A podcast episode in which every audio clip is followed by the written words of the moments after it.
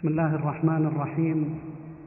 إن الحمد لله نحمده ونستعينه ونستغفره ونعوذ بالله من شرور أنفسنا ومن سيئات أعمالنا.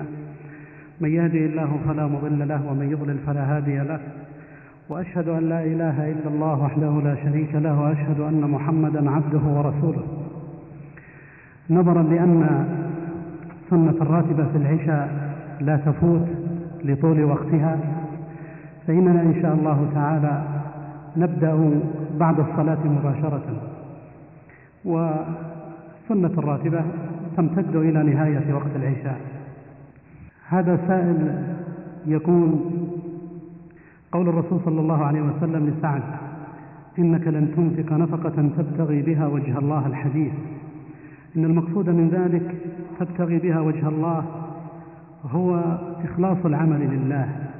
فكيف يمكن توجيه ذلك؟ نعم. معنى الحديث تبتغي بها وجه الله أي تريد بها وجه الله مخلصا. هذا معنى الحديث الذي لا شك فيه.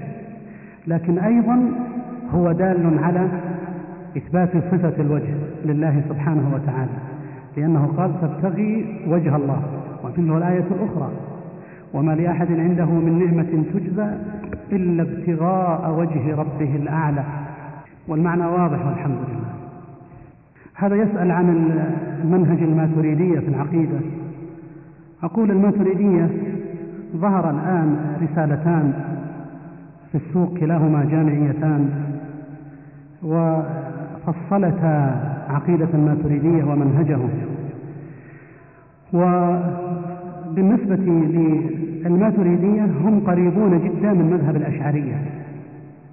ليس بينهم وبين الأشعرية إلا بعض الفروقات المتعلقة ببعض مسائل الإيمان ومسائل القدر وأيضا في بعض الصفات لله سبحانه وتعالى. أما الكلام على تفصيل ذلك فيطول. قال في قوله تعالى والسماء بنيناها بأيد وإنا لموسعون سمعنا أن المراد بالأيدي ليس صفة اليد.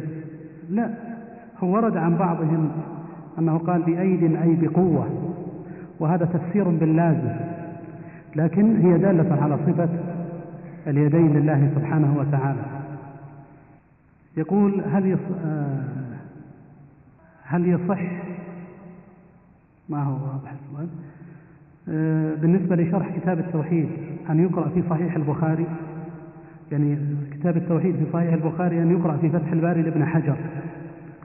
نقول نعم بالنسبة لطالب العلم. أما بالنسبة للمبتدئ فننصحه أن يقرأ شرح كتاب التوحيد الذي هو آخر كتاب من كتب من صحيح البخاري أن يقرأ الشرح الذي كتبه الشيخ عبد الله الغنيمان. وهو شرح مطول يقع في مجلدين ومفيد جدا. واستدرك على ابن حجر رحمه الله تعالى بعض الأشياء التي أخطأ فيها. يقول هل يكون عند نزول الرب جل وعلا للسماء الدنيا يكون خاليا من العرش؟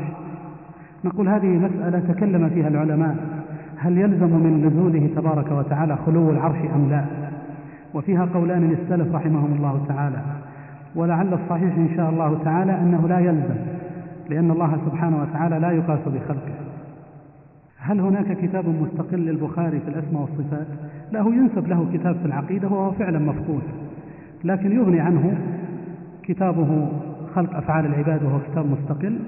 وأيضا ما ذكرناه قبل قليل وهو آخر كتاب من كتب من كتبه في صحيح البخاري لأن صحيح البخاري اشتمل على عدد كبير من الكتب آخرها كتاب التوحيد وهو كتاب عظيم جدا في بابه.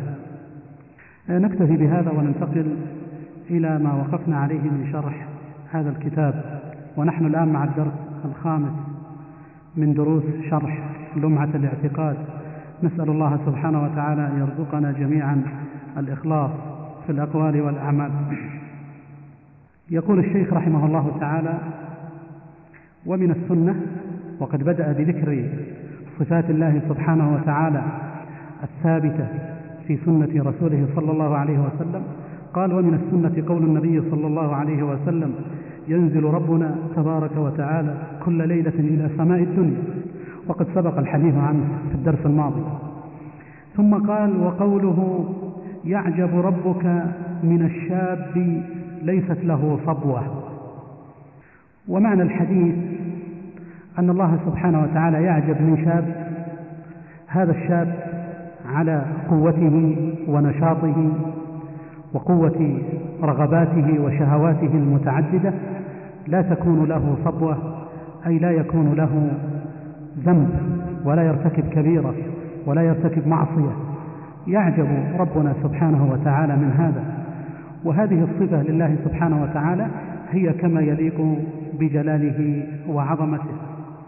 لكن هذا الحديث بحد ذاته تكلم فيه العلماء فهو حديث آه، رواه الإمام أحمد في المسند والطبراني وغيره لكنه لكنه ضعيف. وإن قواه بعض العلماء كالسخاوي في كتابه المقاصد الحسنة. ولكن يغني عنه دليلان أحدهما في كتاب الله تعالى والثاني في صحيح البخاري. فأما الذي في كتاب الله تعالى فقول الله تبارك وتعالى بل عجبت ويسخرون على قراءة ضم التاء بل عجبت ويسخرون. وهذه قراءة سبعية قراءة صحيحة وقرأ بها حمزة وخلف والكسائي. ومن ثم فإنها قراءة صحيحة أي أنه يجوز القراءة بها.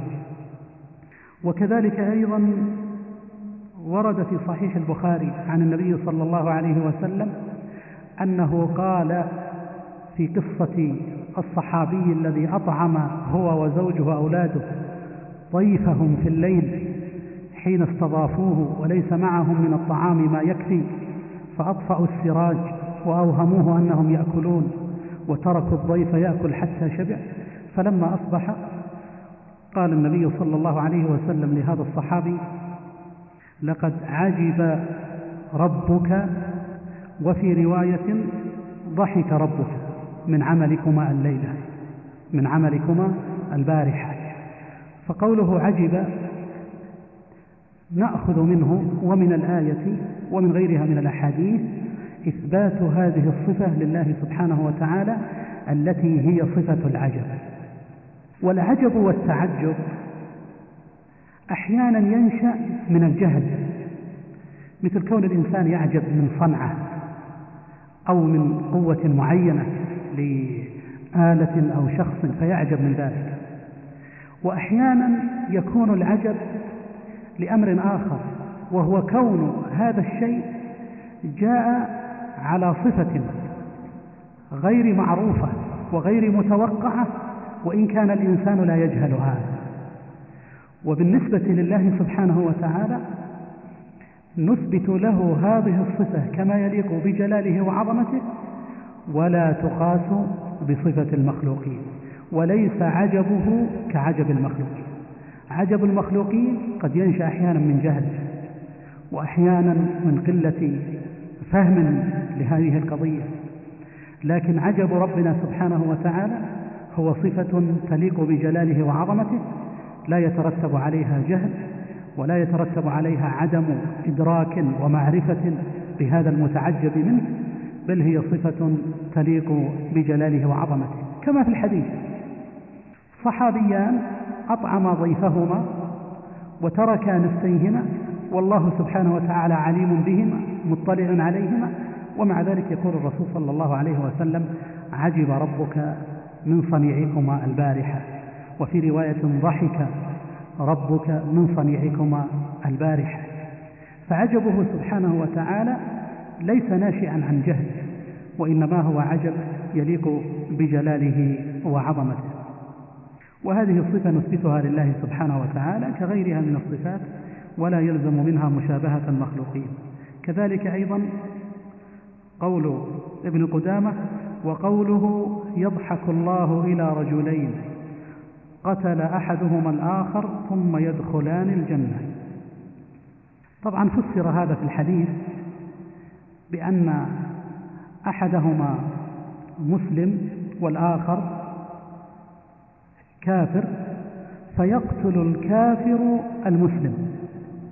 ثم إن الكافر يتوب إلى الله تعالى ويدخل في الإيمان والإسلام ويحسن عمله.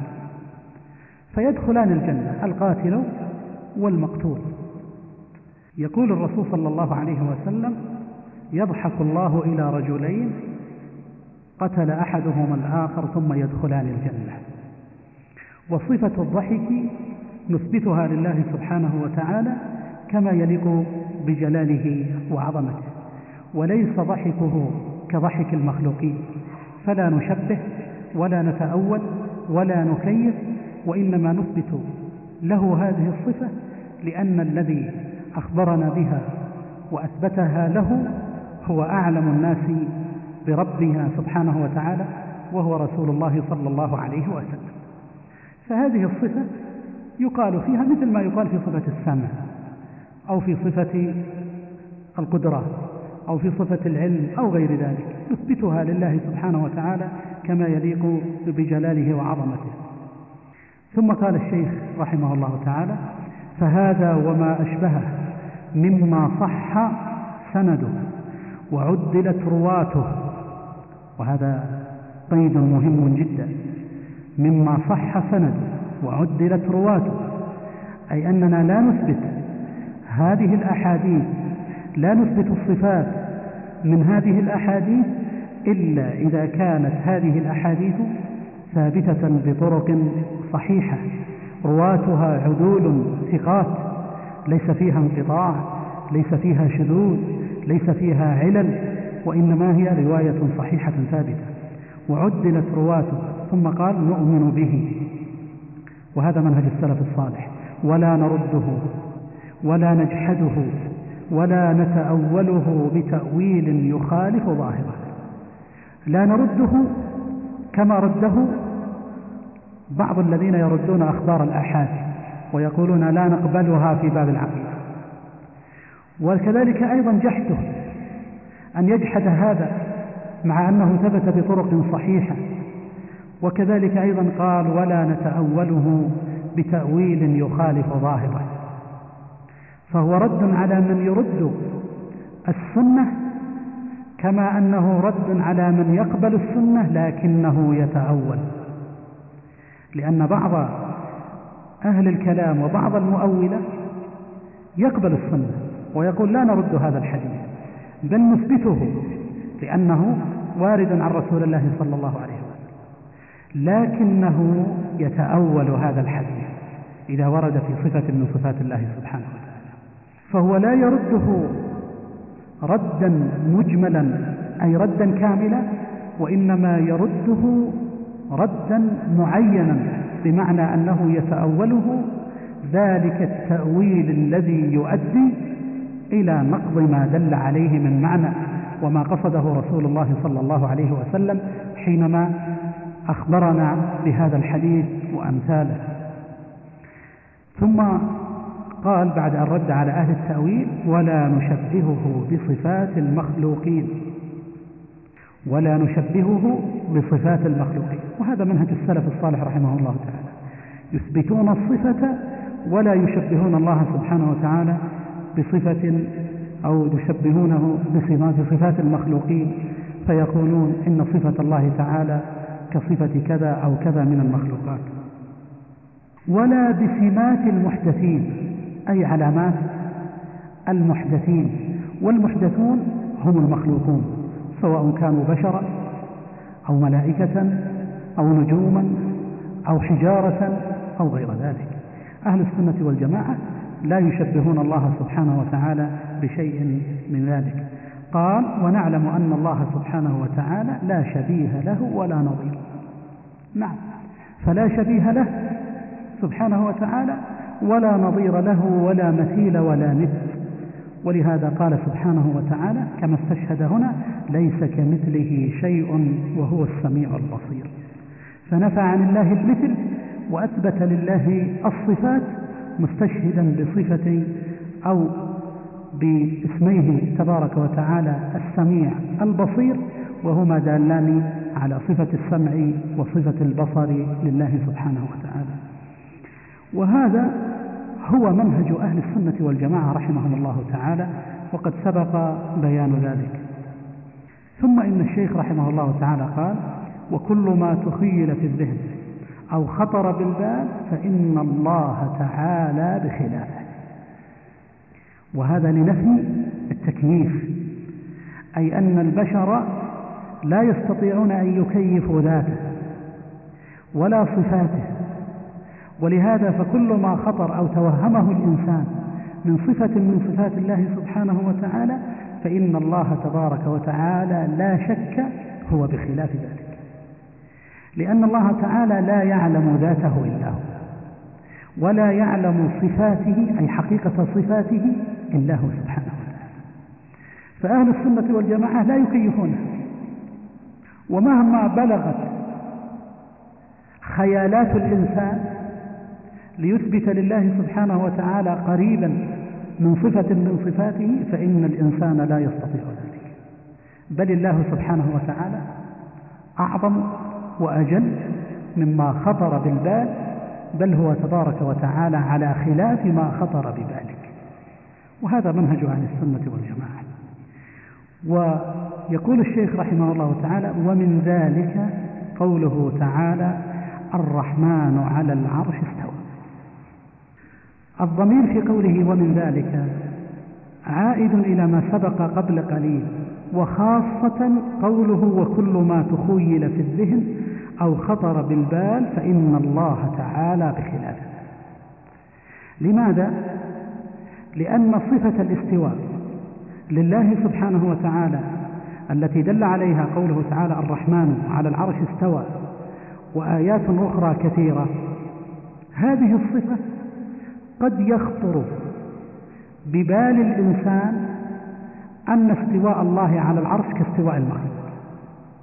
أو أن الله محتاج إلى العرش كاستواء كاحتياج الخلق أو كاحتياج الملك أو نحو ذلك إلى سرير ملكه. فقال هنا ومن ذلك أي ومن ذلك الذي نثبته لله ولا يكون شبيها بصفات المخلوقين ولا نتخيل ولا نتوهم هذه الصفة بأي خيال أو بأي توهم لأن الله بخلاف ذلك صفة الاستواء لله سبحانه وتعالى التي دل عليها قوله تبارك وتعالى الرحمن على العرش استوى. وصفة الاستواء لله سبحانه وتعالى دلت عليها آيات كثيرة جدا. ولهذا ورد في سبعة مواضع من القرآن الكريم إثبات صفة الاستواء على العرش. وهو الذي خلق السماوات والأرض. في ستة أيام ثم استوى على العرش. في سورة الأعراف وفي سورة طه وفي سورة الحديد وفي غيرها ذكر الله سبحانه وتعالى استواءه على العرش. وأهل السنة والجماعة يثبتون لله تبارك وتعالى صفة الاستواء كما يليق بجلاله وعظمته وهي دالة على علوه تبارك وتعالى. ولهذا فسر السلف رحمهم الله تعالى. الاستواء فسروه بقولهم إن معنى استوى أي على وارتفع واستقر وصعد. وهذه الصفات أو هذه الصفة التي هي صفة الاستواء دالة على هذه المعاني. فإن الله تبارك وتعالى عال على خلقه فهي دالة على صفة العلو لله سبحانه وتعالى كما سيأتي بعد قليل.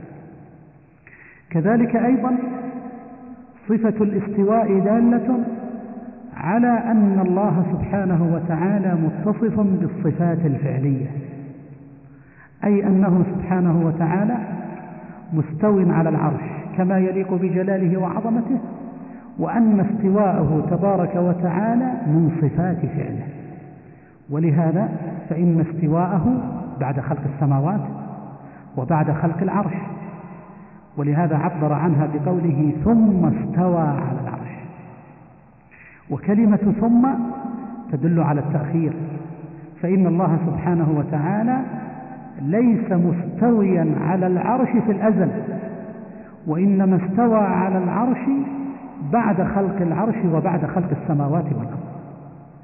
ولهذا قال وهو الذي خلق السماوات والأرض وما بينهما في ستة أيام ثم استوى على العرش. وهذا الإثبات لهذه الصفة هو إثبات من غير تكييف ومن غير تمثيل ومن غير تحريف ومن غير تعطيل وإنما هو إثبات لصفة الاستواء كما يليق بجلاله وعظمته. المخالفون لأهل السنة والجماعة حرفوا وأولوا فقالوا صفة الاستواء يلزم منها مشابهة الله للمخلوقين فيلزم منها أن يكون الله سبحانه وتعالى شبيها بالمخلوق إذا جلس على كرسي أو نحو ذلك. طيب وما معنى قول الله تبارك وتعالى الرحمن على العرش استوى؟ قالوا استوى بمعنى استولى. استوى بمعنى استولى. وهل في اللغة العربية استوى بمعنى استولى؟ في اللغة العربية استوى بمعنى صعد. استوى بمعنى اشتد. ولما بلغ أشده واستوى أي اكتمل شبابه. لكن ليس في اللغة العربية استوى بمعنى استولى. فلما ضاقت بالمتكلمين المضايق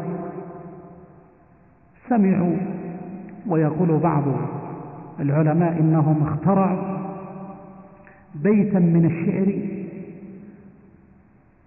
هذا البيت قالوا إن الشاعر قال فيه قد استوى بشر على العراق من غير سيف أو دم مهراق وقالوا إن بشر هذا ملك العراق. إذا معنى قول قد استوى بشر على العراق أي أنه ملك ملك العراق فيأتي الاستواء بمعنى الملك. وهذا التأويل الذي تأولوا هو تأويل عجيب. فإذا كان لفظ الاستواء أي استواء الله على العرش ورد في القرآن العظيم في سبعة مواضع. فلماذا لم يأتي موضع واحد يبين فيه المراد فيأتي بمعنى استوى بمعنى استوى؟ انتبهت من النقطة الأولى في الجواب؟ إذا قلتم إن استوى بمعنى استولى يأتي أحيانا نقول ورد في القرآن إثبات صفة الاستواء لله في سبعة مواضع. فلماذا لم يأتي موضع واحد فيها استوى بمعنى استولى بهذا اللفظ؟ ثم نقول أيضا ثانيا إن تأويلكم استوى بمعنى استولى هو تأويل بعيد ومخالف لما تقتضيه اللغة العربية لأنه لم يرد في اللغة العربية هذا اللفظ بهذا. أما بيت الشعر الذي استشهدتم به فمن قاله؟ وأين يوجد؟ وإلى أي عربي ينسب؟ لو فتشت لقلت لو فتشت عن هؤلاء لقالوا قيل ويقال ونقل هذا البيت أول واحد وتنقله من بعده حتى ولو قاله أحد العرب أو أحد الشعراء فإنه لا حجة بقول شاعر في مقابل أدلة كثيرة من كتاب الله ومن سنة رسوله صلى الله عليه وسلم. ثم نقول ثالثا إن قولكم استوى بمعنى استولى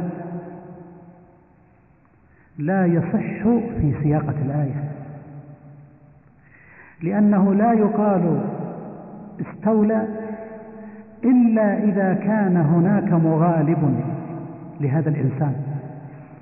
استوى بشر على العراق يعني استولى على العراق إذا قبله قبله حاكم آخر فغلبه واستوى على العراق واستولى عليه. طيب قول الله تعالى ثم استوى على العرش. يعني استولى على العرش. العرش كان قبل ذلك مملوكا لغيره. ثم إن الله ملكه. هل يمكن أن يقول هذا أحد؟ طبعا لا يمكن أن يقول هذا أحد. فقوله تعالى ثم استوى على العرش. لو قيل إن المعنى ثم استولى لأدى ذلك إلى أن يكون هناك مغالب لله سبحانه وتعالى فغلبه الله تبارك وتعالى وتقدس واستولى على هذا العرش سواء قيل العرش مخلوق معين أو العرش هو الملك كما يدعي هؤلاء. إذا لهذه الأمور ولغيرها وقد فصلها العلماء ومنهم شيخ الإسلام ابن تيمية في مجموع الفتاوى نقض هذا التأويل من أكثر من عشرة أوجه. لهذه الأوجه ولغيرها يتبين أن تأويل هؤلاء استوى بمعنى استولى إنما هو تأويل باطل وزيادة زيادة زادوها. ولهذا شبهها بعض العلماء بزيادة بني إسرائيل من اليهود حين قال الله لهم ادخلوا الباب سجدا وقولوا حطة. فدخلوا الباب على قفاهم. الله أمرهم أن يدخلوا ساجدين أي راكعين وأن يقولوا حطة أي حط عنا خطايانا فعكس هؤلاء اليهود الأمر الإلهي فدخلوا على أستاهم من خلفهم دخلوا عليهم وهم يقولون حنطة. حنطة في شعير. فنون اليهود زادوها في حطة. ولام المتكلمين زادوها في استوى. فقالوا استوى بمعنى استولى. وهذا يدل على أن المنبع قريب من بعضه. نسأل الله السلامة والعافية. تحريف للكتاب وتأويل له وبعد عما كان عليه السلف الصالح رحمهم الله تعالى. والعرش المذكور في الآية هو بالنسبة للغة العربية سرير الملك. وفي الاصطلاح هو عرش الله تبارك وتعالى وهو مخلوق عظيم جدا خلقه الله تبارك وتعالى وهو أعلى المخلوقات وهو سقفها وتحمله الملائكة كما قال الله تبارك وتعالى الذين يحملون العرش ومن حوله. وكما قال تعالى عن يوم القيامة ويحمل عرش ربك فوقهم يومئذ ثمانية فهو عرش عظيم جدا أعظم من السماوات وما فيها من مجرات وهو أعلى المخلوقات وهو سقفها. والله سبحانه وتعالى أخبرنا أنه استوى على هذا العرش استواء يليق بجلاله وعظمته. لا يلزم منه أي لازم باطل لا يلزم أن الله محتاج إلى هذا العرش. ولا أنه إذا أبعد هذا العرش يسقط من عليه تعالى الله عما يتوهمه المتوهمون علوا كبيرا. بل هو استواء يليق بجلاله وعظمته. ثم قال الشيخ رحمه الله تعالى وقوله تعالى أأمنتم من في السماء؟ من هذه الآية وما بعدها من الأدلة بدأ الشيخ يتحدث عن قضية كبرى ألا وهي قضية إثبات العلو لله سبحانه وتعالى. وهذه القضية قضية إثبات العلو لله سبحانه وتعالى هي من القضايا الكبار في العقيدة الإسلامية. ومن القضايا الكبار التي خاض فيها المتكلمون قديما وحديثا.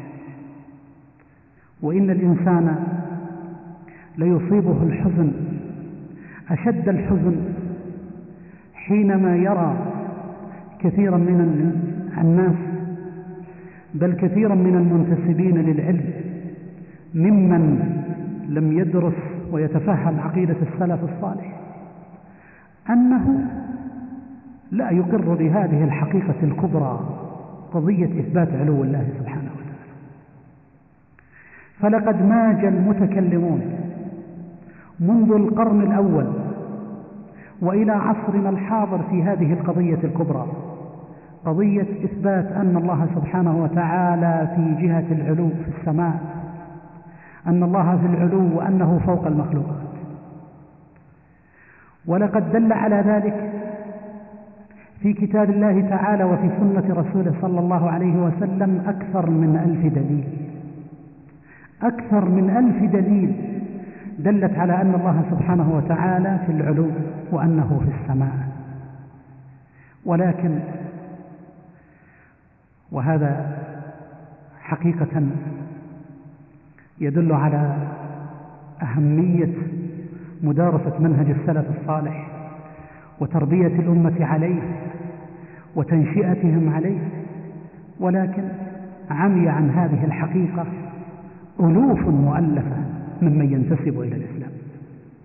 نعم منذ القرون الأولى وإلى عصرنا الحاضر نشأ فئام ممن نهج منهج المتكلمين أو تأثر بهم إذا سألته هل تؤمن أن الله في السماء؟ أو سألته بسؤال رسول الله صلى الله عليه وسلم كما في صحيح مسلم حين سأل الجارية الأمة؟ وقال لها أين الله؟ قالت في السماء. أقول إذا سألته أين الله؟ أو إذا سألته هل تقر بأن الله سبحانه وتعالى في العلو فوق خلقه بائن منهم؟ قال لك لا. لا يجوز أن تقول هذا. إنك إن قلت هذا أنت تشبه الله بخلقه. أنت تجسم الله. أنت تقول إن الله متحيز وكأنه في مكان معين. طيب وماذا تقول؟ اختلفوا على قولين. بعضهم يقول لا نقول الله في كل مكان. الله في كل مكان. هذا قول لبعض المتكلمين. قول آخر فلسفي عجيب يقول نقول الله لا داخل العالم ولا خارجه. لا داخل العالم ولا خارجه. والأول يقول نقول إن الله في كل مكان. وأهل السنة والجماعة وعلى رأسهم سيد الأولين والآخرين محمد صلى الله عليه وسلم وصحابته من بعده والسائرون على منهاجهم يقولون إن الله في السماء إن الله تبارك وتعالى بائن من خلقه في السماء فوق العالم. على العرش استوى استواء يليق بجلاله وعظمته أيها الإخوة في الله إن هذه القضية الكبرى تكاد تكون من المعلوم من الدين بالضرورة لأن من قرأ كتاب الله من أوله إلى آخره ومن اطلع على سنة رسول الله صلى الله عليه وسلم فإنه لا يكاد يخلو منها آية أو صفحة من القرآن العظيم. إلا وفيها الدلالة على أن الله سبحانه وتعالى في السماء وأنه في العلو وهذه قضية قضية كبرى وقضية مهمة جدا يميز فيها بين من ينهج منهج السلف الصالح ومن ينهج نهج من خالفهم من المتكلمين. الأدلة صريحة في ذلك. ونحن هنا سنعرض لما ذكره الشيخ من أدلة. أما استقصاء الأدلة فارجعوا إليها في الكتب التي ألفت في هذا الموضوع بالذات. في الكتب التي خصصت لهذه القضية. ومنها كتاب العلو لشيخنا الذي نشرح كتابه ابن قدامة. فإن له كتابا مطبوعا اسمه العلو ومنها شيخ الإسلام الإمام الذهبي رحمه الله تعالى فإن له كتابا اسمه العلو وقد اختصره الشيخ الإمام المحدث ناصر الدين الألباني اختصره في كتاب عظيم سماه مختصر العلو وخرج أحاديثه جزاه الله خيرا وعتابه وغيرها من الكتب. ولا, ولا يكاد يخلو كتاب. من كتب السنة ومن كتب العقيدة. إلا وفيه تقرير للأدلة الدالة على أن الله سبحانه وتعالى في العلو. ولم يقتصر الدليل على ذلك بل دل على ذلك الفطرة. فإن الله فطر عباده فطر عباده جميعا. حتى ذلك الذي يقول إن الله في كل مكان. فطر عباده جميعا على أن الله سبحانه وتعالى في العلو ولهذا كان من مواقف السلف رحمه الله تعالى العملية شيء من هذا. فأحد أئمة السلف دخل على أحد الأشاعرة وهو يلقي درسه.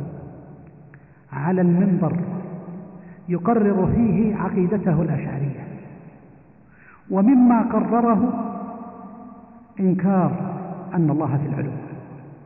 فكان هذا الشيخ يتكلم ويلقي درسه أمام الناس ويقول إن الله كان ولا عرش ولا سماوات وهو الآن على ما كان عليه ويقرر نفس العلو عن الله سبحانه وتعالى.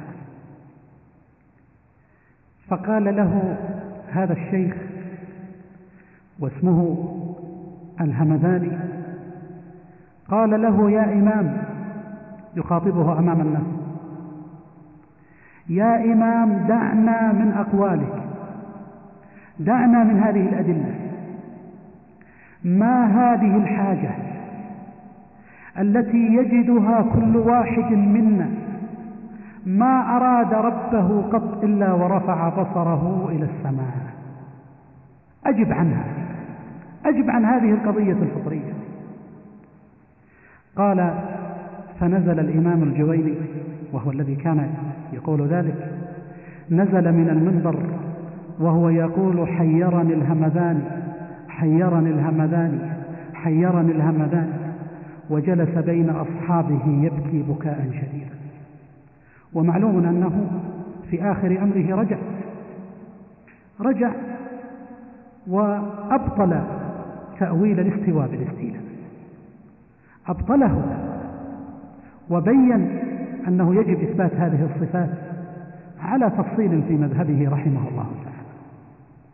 لكن المهم المهم جدا هو كيف أن الفطرة التي فطر الله سبحانه وتعالى العباد عليها دالة يقينا على أن الله تبارك وتعالى في العلو.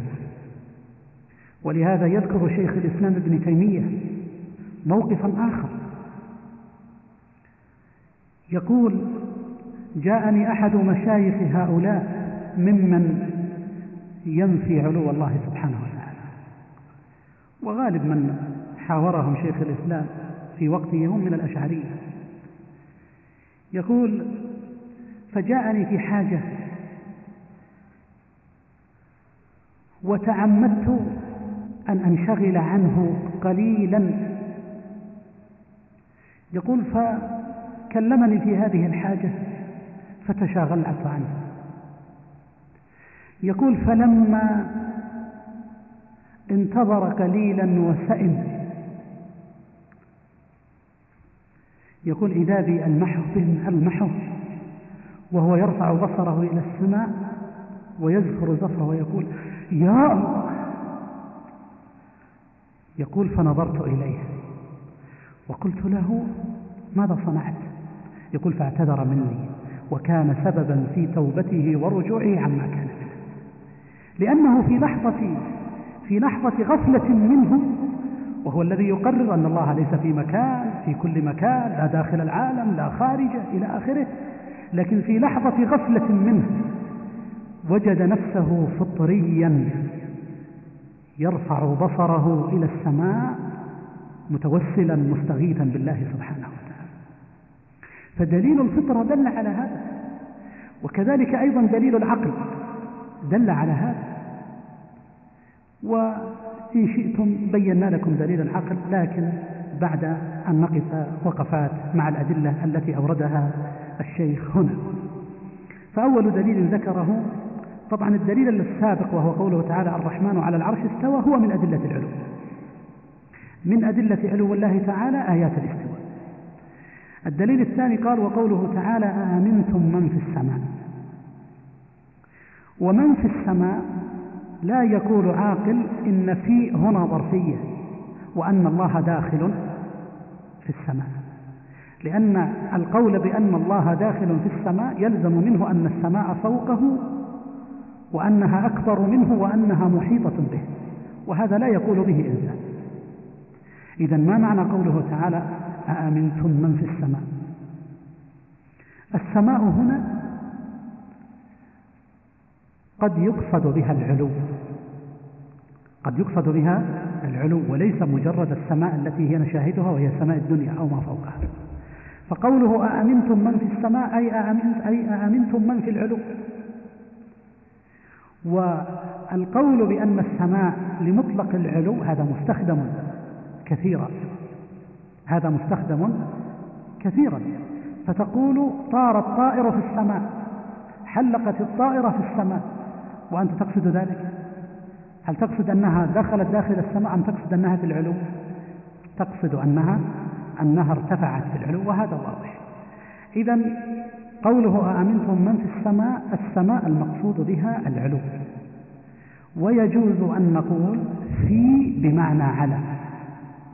فقوله أأمنتم من في السماء أي من على السماء. وهل تكون في في اللغة العربية واردة بمعنى على؟ نقول نعم يقول الله تعالى عن فرعون لما أراد أن يصلب السحرة. المؤمنين قال ولأصلبنكم في جذوع النخل. وطبعا هو لم يضعهم داخل الجذع جذع النخل وإنما سيركض هذه النخلة ويصلبهم ويصلبهم عليها. وهذا واضح والحمد لله. ثم يقول الشيخ وقول النبي صلى الله عليه وسلم ربنا الله الذي في السماء تقدس اسمك. آه هذا الحديث رواه أبو داود والإمام أحمد وغيره لكن متكلم فيه. العلماء قالوا إن فيه راو يقال له زيادة الأنصاري. قالوا وهذا الراوي متكلم فيه. ومن ثم فنحن حينما نتحدث عن مثل هذا الحديث نقول هذا الحديث ضعيف وليس هو الدليل لوحده. حتى يأتي قائل ويقول إنكم تحتجون بالأحاديث الضعيفة وهنا وقفة لا بد من بيانها. ألا وهي أن مثل هذا الموقف الذي مر معنا الآن وهو أن ابن قدامة استشهد بحديث تكلم عنه العلماء وقالوا ضعيف. قد يدخل يدخل منه بعض المخالفين لأهل السنة ويقول إن كثيرا من كتب السنة التي تروي بالأسانيد يذكرون أحاديث صحيحة ويذكرون أحيانا أحاديث ضعيفة. فكيف تذكر هذه الأحاديث في باب العقائد؟ وكيف يتساهل فيها؟ والجواب عن ذلك من وجوه انتبهوا لها. الوجه الأول أن هؤلاء العلماء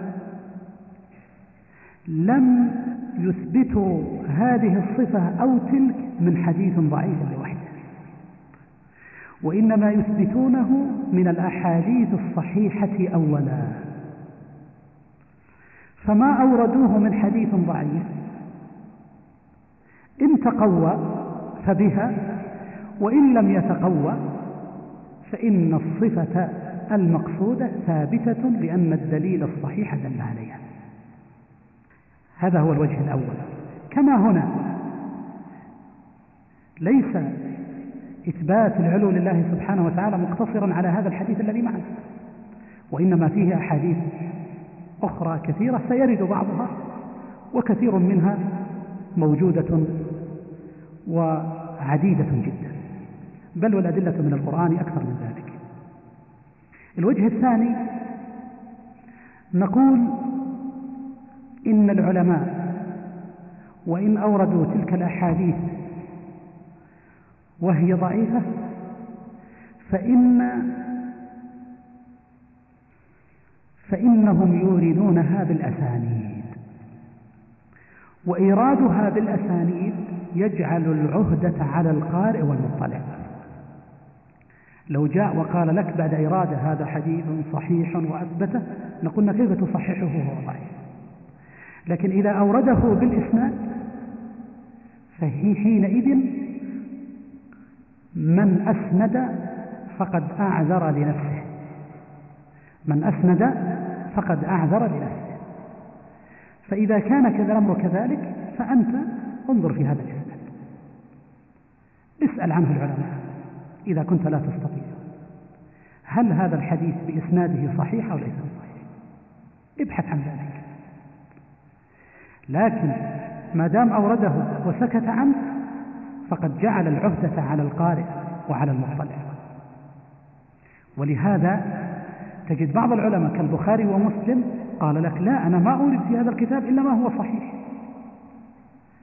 وفعلا ما أوردوا إلا ما هو صحيح. لكن مثلا أبو داود أو الترمذي أو ابن ماجه أو الإمام أحمد ما قال لك أنا ما أورد إلا ما هو صحيح. وإنما وإنما أورد الأحاديث وأحيانا تكلم عليها وعلق عليها وأحيانا سكت عنها والعهدة على من يقرأ ذلك. كذلك أيضا كتب السنة كالسنة لابن أبي عاصم أو السنة للالكائي أو العلو للذهبي أو غير ذلك. هذه الكتب وإن وردت فيها روايات ضعيفة إلا أنهم أوردوها بالأسانيد فالعهدة على القارئ هنا. هذا هو الجواب الثاني. الثالث أن إيرادها وإن كانت من طرق أحيانا ضعيفة إلا أن فيه فائدة كبرى. هذه الفائدة ما هي؟ أن هذه الرواية قد تتقوى بغيرها وقد تقوي غيرها. فأحيانا تكون هذه الرواية ضعيفة. لكن في كتاب آخر من كتب السنة أو من كتب الحديث تجد نفس هذا الحديث ورد من طريق آخر. فإذا جمعنا ذلك الطريق إلى هذا الطريق تبين تبين منه أنه حديث ثابت. فقد يكون هذا الحديث روي من طريق فيه رجل ضعيف. فيتبين في الرواية الأخرى أنه مروي من طريق آخر عن غير هذا الراوي الضعيف. فيتقوى وكثير من الأحاديث إذا جمعت طرقها وفحصتها أي فحصها العالم النحرير في مصطلح الحديث يتبين له أنها ترتفع وتتقوى فتصل إلى درجة الحسن الحسن أو تصل أحيانا إلى درجة الصحيح. إذا إيراد هذه الأحاديث فيه فائدة. ونكتفي بهذه الأجوبة الثلاثة. قوله ربنا الله الذي في السماء تقدس اسمك هذا كما أشرنا قبل قليل وإن كان ضعيفا إلا أنه يواكب الأحاديث الدالة على أن الله سبحانه وتعالى في السماء قوله الذي في السماء أي في العلو. تقدس اسمك أي تنزه اسمك يا إلهنا. ثم يقول ابن قدامة وقال للجارية أين الله؟ قالت في السماء قال أعتقها. فإنها مؤمنة. رواه مالك بن أنس ومسلم وغيرهما من الأئمة. هذا الحديث حديث رواه الإمام مسلم في صحيحه ورواه الإمام مالك ورواه غيرهما. وقد آه، استقصى طرقه أحد الإخوة الفضلاء فألف رسالة أو جزءا حديثيا بعنوان أين الله؟ أين الله؟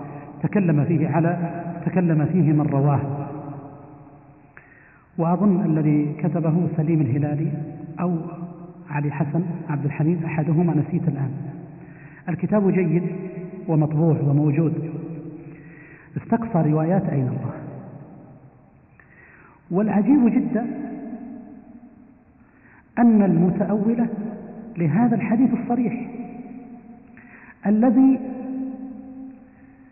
دل على أمرين مهمين جدا يخالفان منهج المتكلمين. أحدهما أنه يجوز السؤال عن الله بأين وأن هذا السؤال لا يلزم منه لازم باطل كالتجسيم أو المكان أو غير ذلك لله سبحانه وتعالى.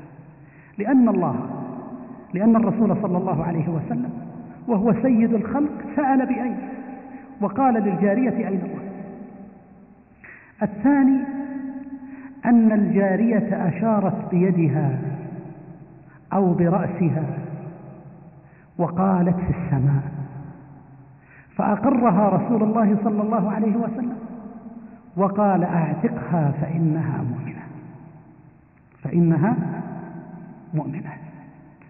إذا هذا يدل ودلالة صريحة قطعية أن الله سبحانه وتعالى في العلو وأنه في السماء. وأنه يسأل بأين؟ وأنه لا يلزم منها لازم باطل أبدا والعجيب أن المتكلمين تأولوا تأويلات غريبة جدا. فبعضهم ضعف رواية أين وقال الرواية الصحيحة من؟ من الله. أين وردت كلمة من؟ الأئمة الجهابذة يروونها. بالأسانيد الصحيحة أين؟ وأن تقول ترد يعني هذا كأنه يرد هذه الرواية. يرد الحديث خوفا من أن يدل على ما يعتقده هو ويقول به. بعضهم أجاب بجواب أعجب من هذا. ألا وهو قال الرسول ما قصد حينما قال اعتقها فإنها مؤمنة إقرارها بأن الله في السماء. طيب وماذا قصد قال لك الرسول لما أتي بالجارية أراد أن يبين هل هي تعبد الأصنام ولا تعبد الله. فسألها أين الله؟ فقالت في السماء فدل على أنها لا تعبد هبل ولا العزى لأن لو كانت تعبد واحدا منهم لقالت هبل أو العزى في مكة أو في الطائف أو غير ذلك. فلما قالت في السماء دل ذلك على أنها تعبد الله ولا تعبد الأرض. وهذا تأويل حقيقة تأويل ضعيف جدا. تأويل لا يمكن أن يقول عاقل أن الرسول لما أتى بها هو قصدها يقول أين الله؟ فتقول في السماء ويقول أعتقها فإنها مؤمنة. ثم نقول إن الرسول قصدها. هذه تأويلات لا تليق بعيدة جدا وهي تمحلات. تمحلات اضطر لها هؤلاء بسبب هذه هذا الاعتقاد الباطل الذي اعتقدوه أن القول بأن الله في السماء يلزم منه أن الله في مكان في مكان وأن المخلوقات تحوزه ونحو ذلك من اللوازم الباطلة التي توهموها. ثم قال الشيخ وقال النبي صلى الله عليه وسلم لحصين وهو والد عمران بن حصين كم إلها تعبد؟ قال سبعة. ستة في الأرض وواحدا في السماء. قال من لرغبتك ورهبتك؟ شو كيف هالأسئلة هذه من لرغبتك ورهبتك؟ قال الذي في السماء.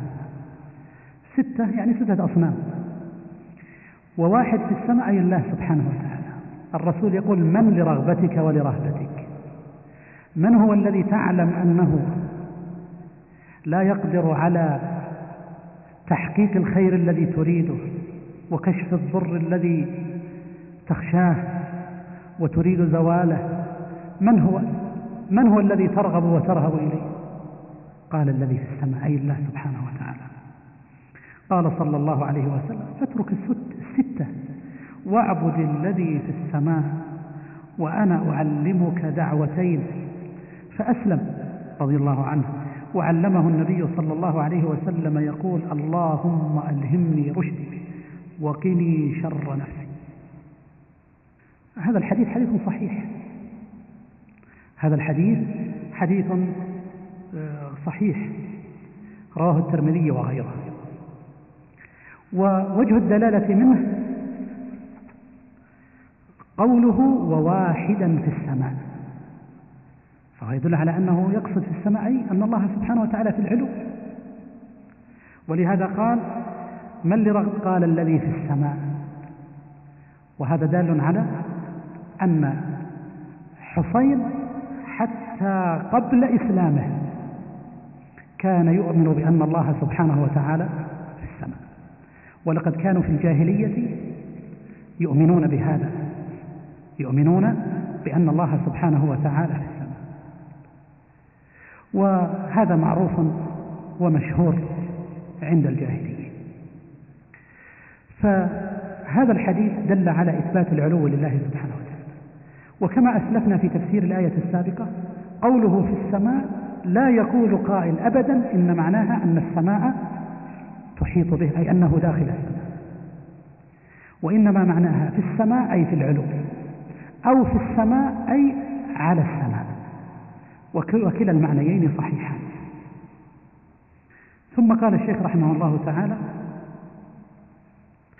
وفيما نقل من علامات النبي صلى الله عليه وسلم وأصحابه في الكتب المتقدمة أنهم يسجدون بالأرض ويزعمون أن إلههم في السماء. هذا الكلام مروي عن عدي بن عميرة. عن عدي بن عميرة بن فروة المعبدي. وقد رواه عنه بإسناده ابن قدامة في كتابه العلو وكذلك أيضا الذهبي. وقال الذهبي عن هذا الكلام إنه غريب إنه غريب أي أنه لم يروى بإسناد بإسناد صحيح يعول عليه. بإسناد صحيح يعول عليه وإنما هو نقل من كتب الأقدمين. فقوله بوصف النبي صلى الله عليه وسلم إنهم يسجدون بالأرض ويزعمون أن إلههم في السماء نقول مثل هذا اللفظ إذا كان واردا في الكتب السابقة فمن المؤكد أن فيه تحريفا. لأن قوله يسجدون بالأرض هذا صحيح. والرسول قال عن الخصائص التي اختصت بها أمته وجعلت لي الأرض مسجدا وطهورا. وهذا من خصائص هذه الأمة. لكن التحريف والله أعلم في قوله ويزعمون أن إلههم في السماء. لو كانت العبارة ويقولون أو ويقررون أو ويعتقدون أو نحو ذلك لقلنا إن هذه العبارة ربما تكون صحيحة.